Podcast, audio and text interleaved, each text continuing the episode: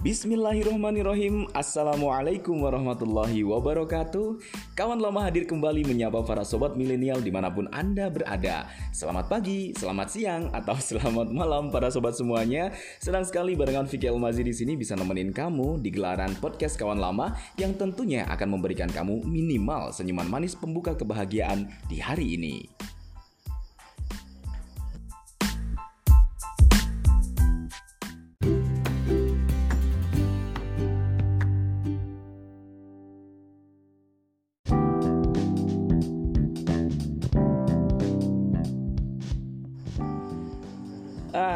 alhamdulillah ya. Kepada kesempatan kali ini Vika bisa hadir menemani Anda semuanya. Ini kondisinya nih sekarang lagi hujan, agak sedikit gerimis. Enggak hujan-hujan banget sih. Tadi sore deh. Sore itu deres banget tapi sekarang sudah mulai rintik-rintik dan syahdu banget lah ya. Ini kondisi seperti ini, cuaca seperti ini tuh enak banget kalau misalkan kita sudah punya istri dan istri kita memasakkan, memasakkan, merebuskan, merebuskan mie dengan telur dua, ada cabai-cabai potongan cabai dan lain sebagainya. ya Allah ah gitu ngebayanginnya tuh luar biasa enak banget Yaudah daripada kita menghayal daripada kita halu uh, mending Eh, Vicky ngajakin kalian semuanya untuk berinteraksi asik berinteraksi. Nggak kita berkomunikasi ya dari jarak jauh tuh.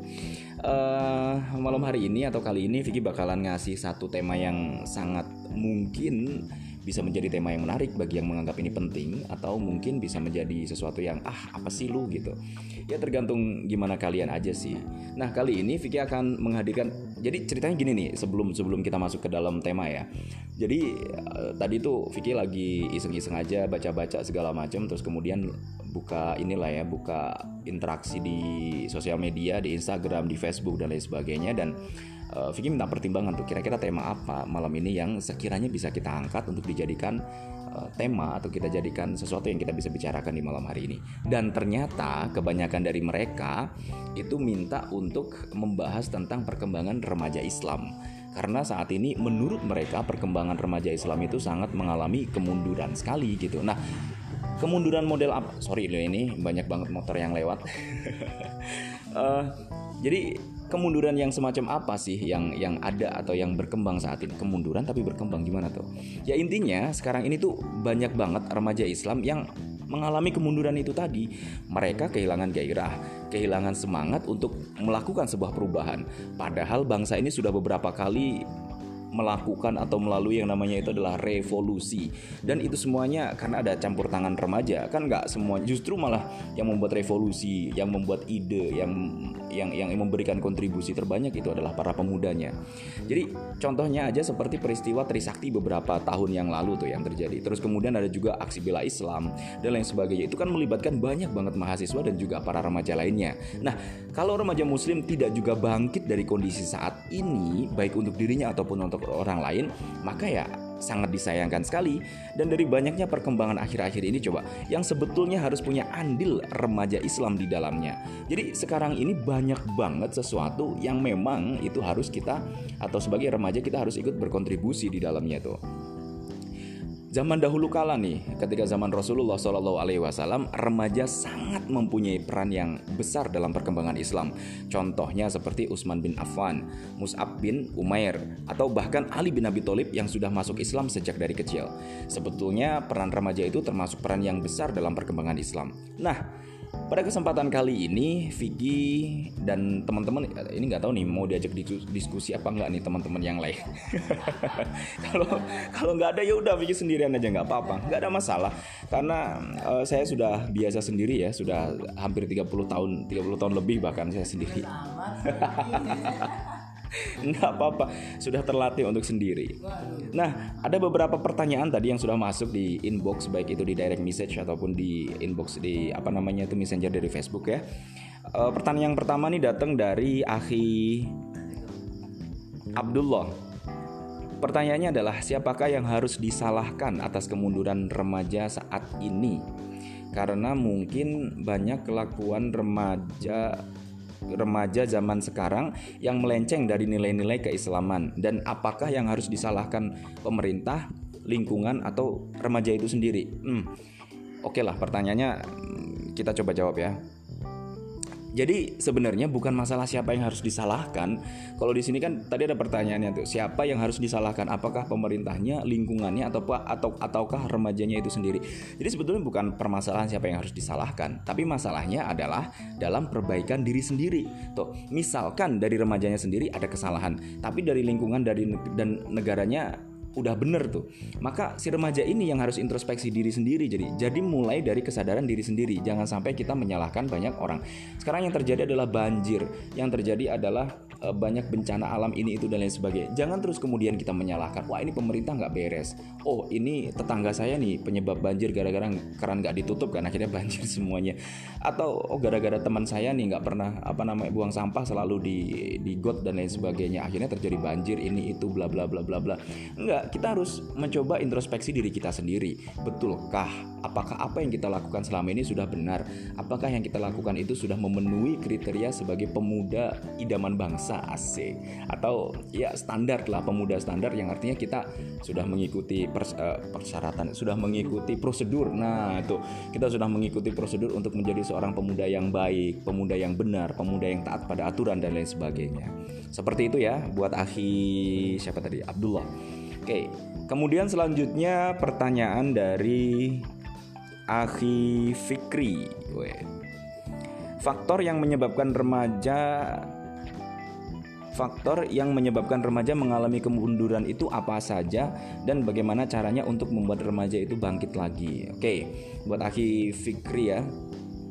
Kalau dari faktor lingkungan, kalau lingkungannya itu kacau, tadi kita sudah membahas tentang kita nggak perlu menyalahkan orang lain ya. Nah, kalau lingkungannya itu kacau akan menyebabkan karakter remaja yang rusak dan mental rusak mental gitu maksudnya uh, mentalnya itu akhirnya akan terbawa oleh lingkungannya tersebut gitu. Um, misalnya nih di zaman sekarang itu kan banyak tuh film-film kayak sinetron itu ngajarin tentang galau. Film-film horor itu mengajarkan kita kepada ketakutan yang sangat luar biasa putus asa dan lain sebagainya. Nah itu hal-hal seperti itu tuh bisa jadi mempengaruhi faktor kemunduran para remaja. Nah terus kalau dari faktor lingkungannya itu tidak mendukung remaja untuk bangkit maka otomatis terjadilah kemunduran pada remaja itu sendiri. Dan untuk mengatasi masalah ini kita harus memperbaiki lingkungan. Yang pertama lingkungannya haruslah lingkungan yang islami karena temanya itu adalah kita membentuk karakter pemuda Islami. Itu yang pertama. Terus kemudian kita juga harus mengurangi acara-acara televisi atau uh, sesuatu hal yang intinya temanya tentang galau-galauan, temanya tentang hal-hal yang justru malah membuat kita menjadi mundur, membuat pemikiran kita tidak berkembang dan lain sebagainya. Peran orang tua juga otomatis ya sangat penting banget dalam uh, apa namanya pengaruh perkembangan itu. Jadi kalau orang tuanya juga tidak mendukung, otomatis si pemuda ini nggak akan pernah bisa berkembang gitu loh. Kita sebagai pemuda nggak akan pernah bisa berkembang. Kalau misalkan kita nggak punya orang tua gimana? Ya lingkungan gitu. Lingkungan itu artinya bisa keluarga. Kalau untuk skala kecil skala yang lebih besar itu adalah tetangga. Skala yang lebih besar lagi itu adalah masyarakat yang berada di sekeliling kita. Gitu. Baik itu sekolah baik itu uh, tempat kita mungkin nongkrong dan lain sebagainya tuh. Maka nongkrongnya jangan sampai nongkrong nongkrong yang nggak jelas. Nongkrongnya harus di tempat-tempat yang bisa mendatangkan manfaat bagi kita. Nongkrong tuh di masjid nongkrong nongkrong tuh di uh, mana? Mana? Pengajian. Oh di pengajian itu. Itu nongkrong bagus tuh. Sambil ngopi nggak apa-apa tapi sambil ngaji juga. Jadi jangan sampai kita terpengaruh sama orang-orang yang ngajakin kita ayo kita nongkrong yuk. Nongkrongnya ngapain? Ah rokokan ngopi-ngopi itu segala macam. Itu tidak akan pernah bisa membuat kita berkembang. Justru akan membuat kita menjadi mundur secara pemikiran mundur secara akhlak mundur secara mental dan lain sebagainya. Oke, Aki Fikri, semoga puas dengan jawabannya. Asik. Selanjutnya pertanyaan dari siapa? Bentar, bentar, bentar, bentar. Kita cek lagi dulu. Uh, dari Aki Nugraha. Mungkinkah faktor kelabilan remaja juga termasuk penyebab remaja Islam tidak bangkit? Mungkinkah faktor kelabilan remaja juga termasuk penyebab remaja Islam tidak bangkit? Ya otomatis ya karena remaja itu kan masih labil. Pasti juga udah mudah dipengaruhi gitu. Jadi uh, apa ya? Kita ini adalah makhluk yang kalau istilah dalam perkembangan dunia anak grade anak kita masih bayi itu levelnya kita masih bayi jadi tulang tuh masih lunak kepala apa tulang kepala tuh masih lunak kalau misalkan masih sering ditekan dan lain sebagainya. Itu bisa bisa penyok tuh ke, apa namanya kepala kita. Jadi kita pun juga seperti itu. Sebagai remaja kita mempunyai karakter yang masih uh, labil. Jadi masih goyang-goyang dan lain sebagainya. Masih goyah bukan goyang ya. Masih goyah. Jadi sehingga uh, apa pun yang yang yang datang kepada kita kalau kita tidak mencerna itu dengan baik akhirnya kita pasti akan terpengaruh. Jadi memang ada pengaruhnya juga sih gitu. Karena faktor kelabilan ya secara psikis dan lain sebagainya. Uh, terus kemudian pertanyaannya dari Akhi dia nih. Dia Zakin mah yang selanjutnya nanti yang tadi itu. Akhi dia nih ya. Mana nih kriteria yang kriteria remaja yang bangkit itu kayak gimana sih? Oke, kriteria remaja yang ini bangkit apa dulu nih? Bangkit dari kubur apa bangkit bangkit dari bangkit dari tidur tuh. Kalau bangkit dari tidur tanya tuh sama Ustadz Asah kan yang tadi malam kita ajakin ngobrol. Nah, itu sering tuh bangkit dari tidur itu. Jadi gini, kriteria remaja yang bangkit atau remaja yang bisa membangkitkan dan ah itulah pokoknya intinya ya itu adalah remaja muslim yang sudah punya keinginan untuk menjadi lebih baik. Itu yang pertama adalah punya keinginan dulu. Nah, kalau sudah punya keinginan, dia juga harus punya akidah serta akliyah Islamiyah yang baik gitu loh. Jadi jangan sampai kita cuma sekedar pengen aja, tapi kita juga harus mengembangkan keinginan kita atau keinginan si remaja itu menjadi sebuah uh, kepemilikan apa yang harus dimiliki akidah akidah aja cukup nggak? Nggak cukup. Harus punya akliyah juga. Akliyah dan akidah yang gimana? Yang islami tentunya. Nah tentu saja dalam hal ini itu diperlukan sosok seseorang yang bisa dijadikan contoh atau dijadikan panutan. Nah siapa saja contoh itu? Contoh itu adalah orang-orang yang memang bisa memberikan pengaruh positif terhadap kehidupan kita yang bisa memberikan pengaruh positif terhadap uh, segala macam perilaku yang akan kita jalankan nantinya number one otomatis itu Nabi Muhammad lah oh, orang tua ya orang tua Nabi Muhammad orang tua termasuk orang tua kita juga jadi yang pertama itu pasti tentunya tuh ya suri tauladan kita itu adalah Nabi Muhammad Shallallahu Alaihi Wasallam itu yang paling pantas. Nah dari mana kita tahu? Ya otomatis ya dari sirah nabawiyah dari cerita-cerita yang memang Nabi Muhammad itu mempunyai perangai yang sangat baik, mempunyai satu uh, apa namanya uswatun hasanah. Dia bisa memberikan contoh yang baik kepada kita bisa memberikan kalau dia nggak baik nggak mungkin ada follower Nabi Muhammad Nabi Muhammad itu sampai detik ini pun followernya masih banyak banget gitu. Ajaran-ajaran yang diberikan oleh Nabi Muhammad SAW itu mempunyai efek yang sangat besar sekali terhadap perkembangan umat Islam yang ada di dunia ini gitu. Jadi apa yang perlu kita ragukan. Kalau misalkan memang Nabi Muhammad itu salah saya pastikan sampai detik ini tidak akan ada atau bahkan mungkin akan berkurang jumlahnya. Tapi sesuai data statistik yang pernah Vicky baca di berbagai macam sumber asik kan jadi kan kelihatan kayak pinter tuh. Nah itu perkembangan umat Islam sangat uh, sangat apa sih namanya itu sangat tinggi banget gitu. Makin tahun dari tahun ke tahun itu malah justru semakin tinggi. Itu artinya ajaran yang diberikan atau contoh-contoh yang diberikan oleh Nabi Muhammad SAW itu mempunyai efek yang sangat baik. Jadi itu adalah contoh yang sangat nyata, contoh yang bisa kita jadikan tolak ukur untuk bisa menjadi pemuda Islam yang ideal gitu. Pemuda Islam yang bisa membangkitkan uh, apa ya, bisa membangkitkan membangkitkan segala macam hal lah. Gairah gairah gairah kebaikan tentunya. Nah itu. Terus kemudian yang nggak kalah penting itu adalah kemauan dari diri sendiri gitu loh. Jadi motivasi dari diri sendiri. Kita boleh mencontoh orang lain Eh, selama itu baik contohnya itu baik. Tapi di samping itu kita juga harus menjadi diri sendiri atau memotivasi diri sendiri. Maka motivasi dari diri sendiri itu teramat sangat perlu dan sangat bahkan kalau Vicky bilang wajib hukumnya ya. Karena kalau kita meniru orang itu justru kita tidak akan justru kita akan menjadi orang lain gitu. Oh kita meniru segala macam. Sedangkan secara karakter secara pemikiran secara uh, fisik, secara segala macam itu kita berbeda dengan satu dengan yang lain gitu loh. Kita diciptakan Allah tuh menciptakan perbedaan. Itu sudah menjadi sunatullah, itu sudah menjadi sesuatu yang yang yang yang ya memang itu sudah menjadi sebuah ke keharusan gitu. Itu sudah menjadi satu apa ya satu hal yang sangat biasa banget. Allah menciptakan perbedaan untuk apa? Supaya kita saling mengenal satu dengan yang lain. Karena kita berbeda otomatis dari mulai karakter dari mulai pemikiran dan lain sebagainya kita juga berbeda dengan satu sama lain. Maka kita boleh menjadikan dia sebagai contoh. Kita boleh menjadikan seseorang suri tauladan menjadikan dia sebagai apa namanya role mode gitu. Akan tetapi jangan sampai 100% kita mengikuti apa yang dilakukan karena otomatis pasti orang tersebut juga mempunyai orang yang kita anggap baik atau orang yang kita jadikan dia sebagai uswah gitu pasti juga mempunyai sisi yang kurang baik. Nah, sisi yang kurang baik itu kita bisa tambal dengan motivasi diri dari diri dari diri kita sendiri atau bahkan itu kita jadikan contoh tapi untuk pengembangannya itu adalah dari diri sendiri gitu. Jadi misalkan saya melihat nih ada Ustadz Zaki, Ustadz Zaki ini salah satu Ustadz yang ada di uh, makanya saya bersyukur banget ya berada di satu tempat yang dikelilingi sama orang-orang baik gitu. Jadi saya ingat ada Pak Kiai apa namanya uh, Kiai saya dulu. Bukan Kiai saya dulu Kiai saya sekarang juga. Jadi uh, Kiai saya itu pernah mengatakan seperti ini. Rezeki itu salah satunya yang penting dari sebuah rezeki itu adalah berkah Nah, berkah itu apa? Berkah itu adalah ziyadatul khair, bertambahnya kebaikan. Jadi rezeki itu bukan berarti melulu tentang materi, tidak harus tentang uang, tidak harus tentang makanan, tidak harus dengan ini itu segala macam, tidak harus dengan istri cantik. Wah, rezeki gue nih, gue dapat istri cantik nih, seksi nih, udah bahenol bisa goyang dribble dan lain sebagainya. Oh, enggak. itu malah justru baik.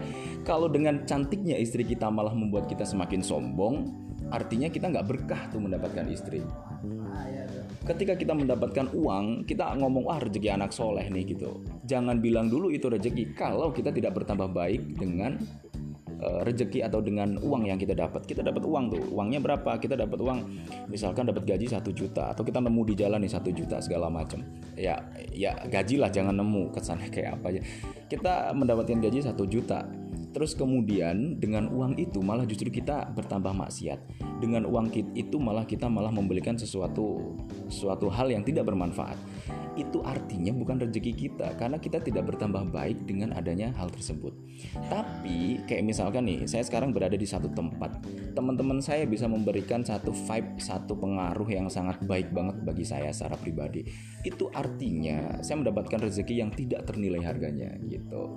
Saya ber, berada dekat dengan uh, Ustadz Zaki ini ibadahnya luar biasa. Tadi malam aja kan udah sholat isya tuh diajak sholat isya lagi mau dia gitu. Itu Zaki. Jamaah ya. Dia sholat sendiri itu pertama sholat sendiri sholat isya sendiri. Terus ada Ustadz Asa juga dia juga nggak mau kalah. Wah ini saya nggak mau sholat sendiri saya mau ngajak jamaah. Tapi semua udah pada sholat. Uh, akhirnya dia ngajak lagi Ustadz Zaki itu Ustadz Zaki ayo kita jamaah gitu. Wah udah sholat gue gitu tapi ngeyel aja karena pengen mengejar pahala jamaah itu. Akhirnya Ustaz Zaki mau nggak mau akhirnya ikut juga tuh. Enggak enggak enggak itu itu, itu skip aja tuh. Ya artinya saya berada di lingkungan yang bisa mendukung saya untuk berkembang. Ada Ustadz uh, apa namanya ada Ustadz uh, Asah, ada juga Ustadz, oh, ada Ustadz Fikri juga, ada Ustadz Dia juga. Oh, banyak lah gitu. Jadi orang-orang yang memang bisa memberikan efek, memberikan pengaruh, memberikan motivasi sehingga saya bisa berubah, saya bisa uh, memperbaiki diri menjadi lebih baik daripada Rifki yang sebelumnya. Sorry, Vicky yang sebelumnya. Ya, kan ketahuan kan nama aslinya. ya intinya intinya seperti itulah ya uh, jadi men mungkin tambahannya ini kali. Jadi buat pemuda-pemuda ini untuk benar-benar agak ke sini dulu dong. Ya, jadi buat pemuda-pemuda ini uh, untuk memotivasi kan tadi ya. Selalu hmm. memotivasi untuk dirinya dan orang lain ya harus dengan apa nama itu khairunas ahsanuhum kulukon wa anfa'um dinas anfa. Nah jadi buat pemuda-pemuda yang lain harus banyak bermanfaat. Bermanfaat betul itu aja kak Vicky itu doang itu doang ini mau nambahin enggak nih Oh, oh udah ya. Banyak bermanfaat bagi orang lain. Sabak kodi kruhu ya. Iya, itu tadi itu ada tambahan dari eh, apa namanya Ustadz Asa bahwasanya kita juga harus mempunyai manfaat. Betul. Percuma kita ada di satu tempat kita nih orangnya pinter kita orangnya ahli ibadah kita ini tuh segala macam. Tapi kita nggak bisa mendapatkan eh, kita tidak bisa mendatangkan manfaat kita tidak memberi manfaat.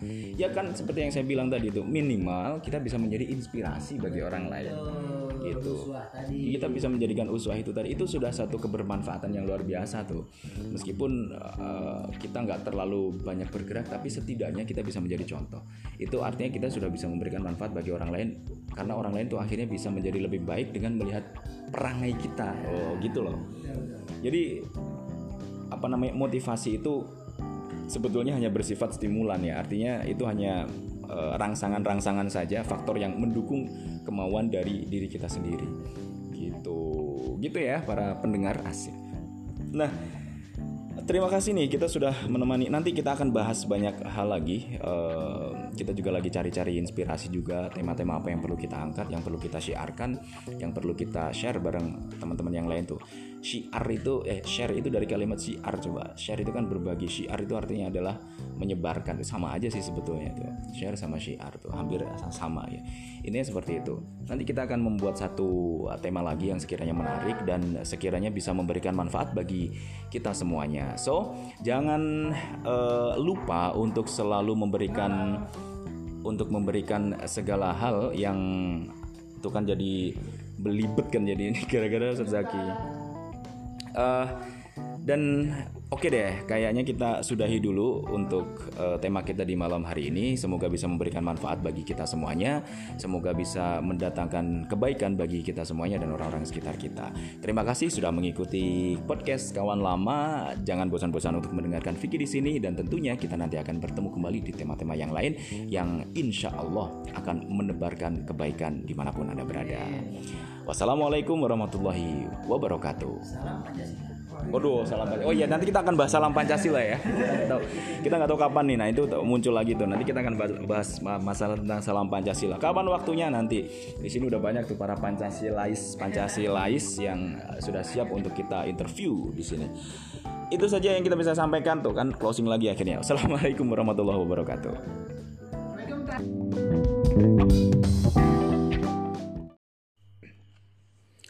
Bismillahirrahmanirrahim. Assalamualaikum warahmatullahi wabarakatuh.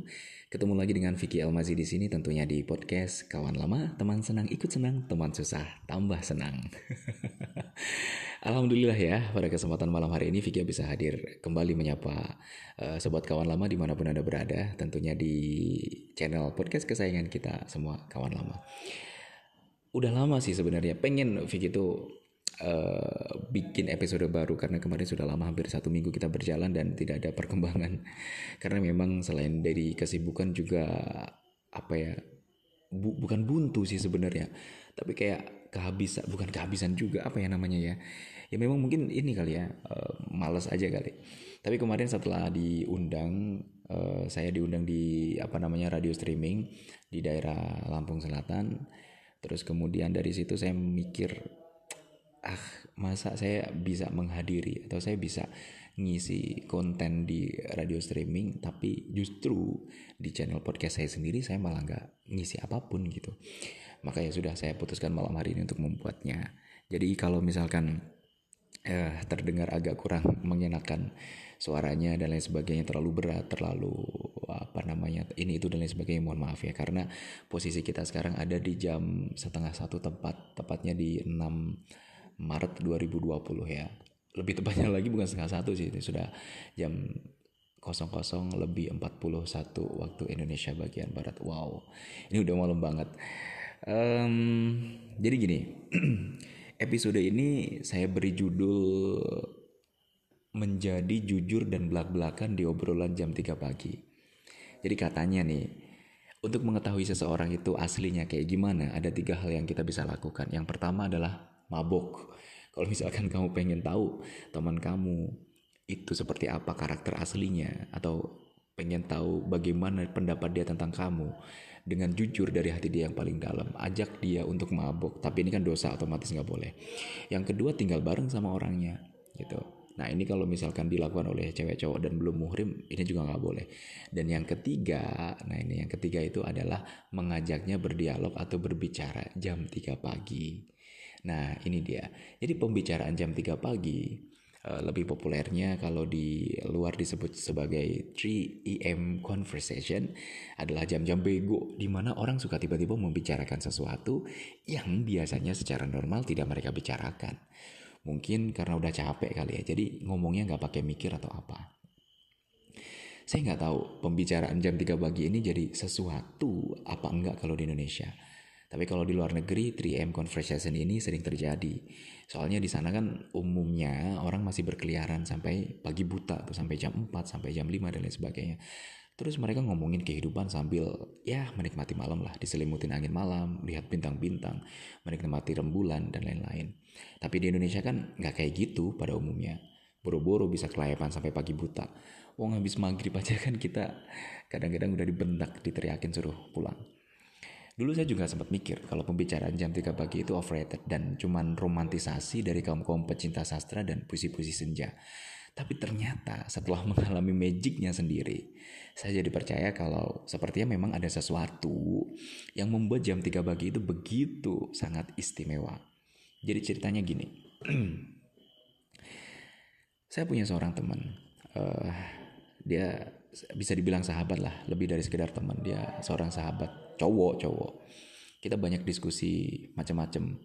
Uh, dia juga pikirannya kan kayak semacam open minded gitu. Jadi ketika saya ngobrolin tentang satu dua lain hal sama dia dia bisa mengimbangi itu dengan berbagai macam argumen yang dia punya.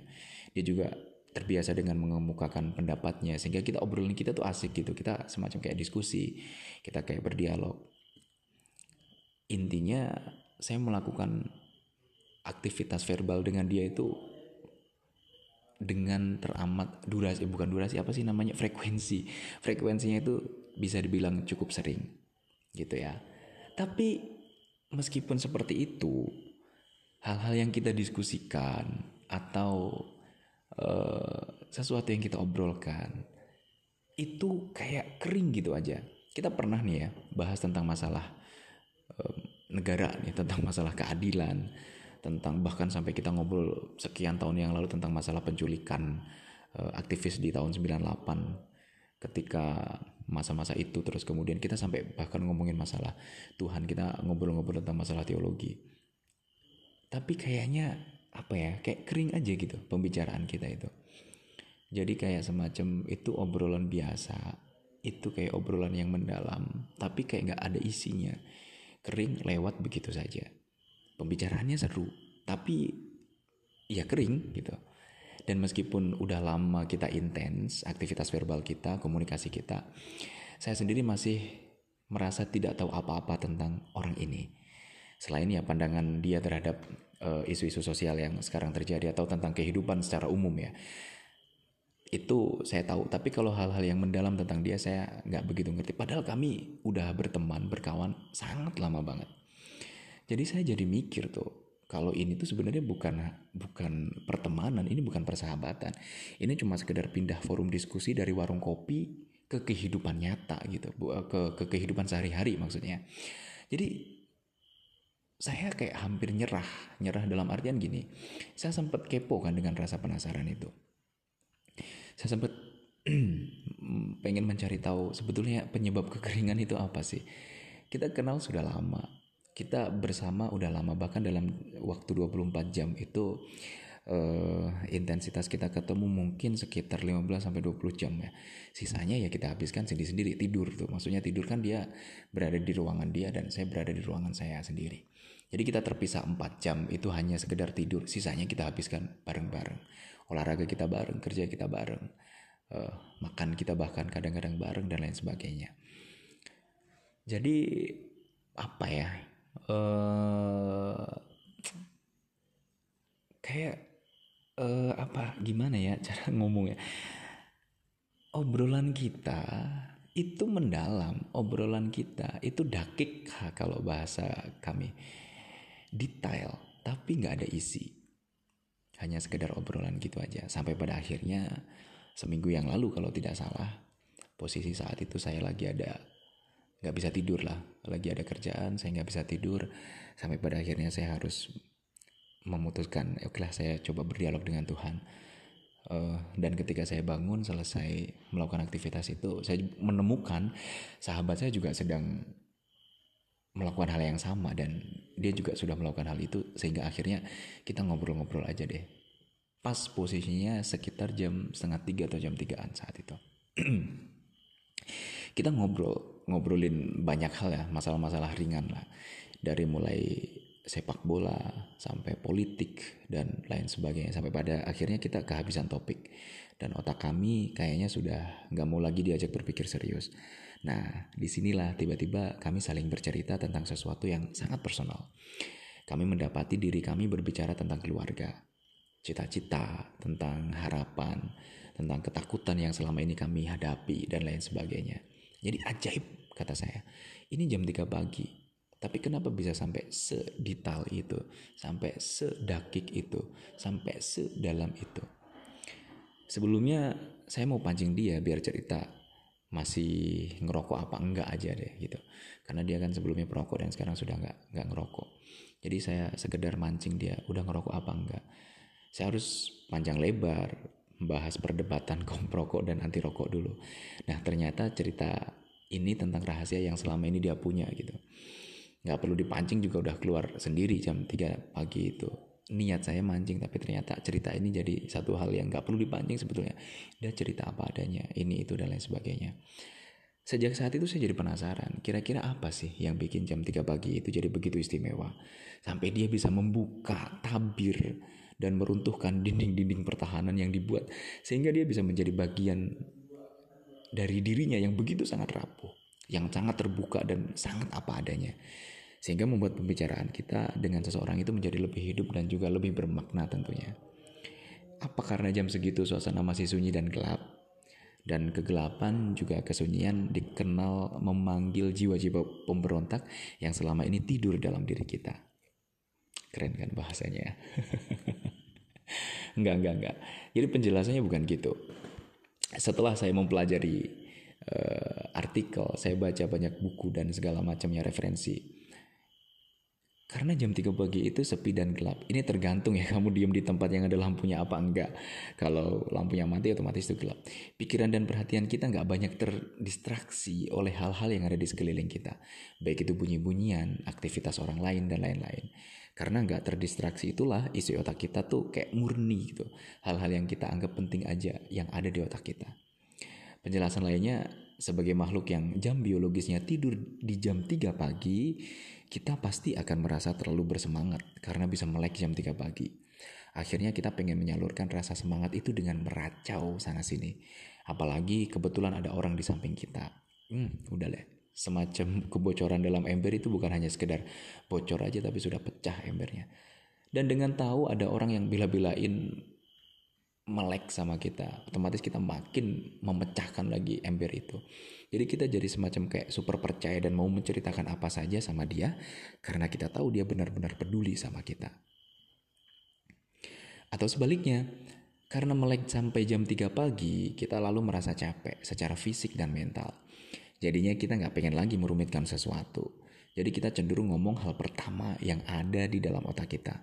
Makanya kita bisa jujur banget kalau ditanya apa aja soal soal hal-hal pribadi. Ya soalnya itu tadi, males mikir kita juga bisa jadi ngomongin hal-hal yang selama ini kita pendam karena kita pikir bakal bikin orang nggak nyaman uh, apa ya ya karena jam segitu mana ada kuat otak dipakai mikir perasaan orang lain kan nggak mungkin jadi kita udah nggak mikir lagi tuh perasaan orang lain nggak mungkin lagi kita mikirin bodoh amat deh lu mau sakit hati atau enggak karena jam 3 pagi itu seluruh organ tubuh kita termasuk pikiran itu mengalami satu hal yang dinamakan dengan apa namanya ya?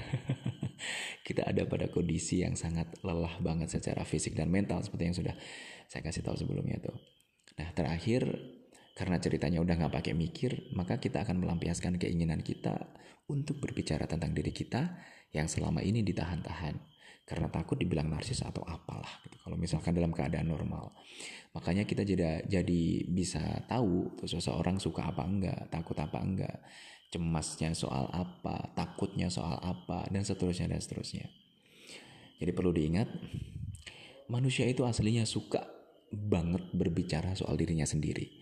Tapi di masyarakat yang semua orang suka berbicara tentang dirinya sendiri, seringnya kita nggak dapat kesempatan atau giliran untuk membicarakan diri kita. Karena harus mendengarkan mereka. Karena saking banyaknya itu tadi. Jadi masing-masing dari kita punya idealisme atau masing-masing dari kita itu punya uh, pendapat bahwasanya diri kita ini paling keren. paling mewakili kalau misalkan kita dalam keadaan sedih kayak seolah-olah kesedihan kita inilah kesedihan yang paling mendalam yang mana orang lain tuh nggak boleh ngerasain kesedihan kita. Atau justru sebaliknya kesedihan kita nih harus dialami sama orang lain karena inilah kesedihan yang bermakna. Tapi pada hakikatnya apa yang kita rasakan itu tidak bisa kita ceritakan. Kenapa? Karena masing-masing orang punya pendapat yang sama. Masing-masing orang merasa saya atau orang lain harus mendengarkan. Sehingga kita tidak punya kesempatan untuk mengutarakan apa yang seharusnya kita ingin utarakan. Nah, jam 3 pagi itulah waktu di mana kita meluapkan segalanya. Jadi kalau saya secara pribadi setuju sih. Kalau mau tahu orang itu seperti apa, ajak dia bicara jam 3 pagi. Jam 3 pagi ini jadi sejenis waktu untuk saling menemukan tentang diri kita dan orang lain. Inilah yang kemudian terjadi antara saya dan sahabat saya tadi itu. Tapi kalau dipikir-pikir lagi ya, ini jadi masuk akal. Kenapa Allah itu meminta umatnya berdoa di sepertiga malam alias jam 3 pagi? Itu pasti. Karena di jam itu umatnya lagi jujur-jujurnya.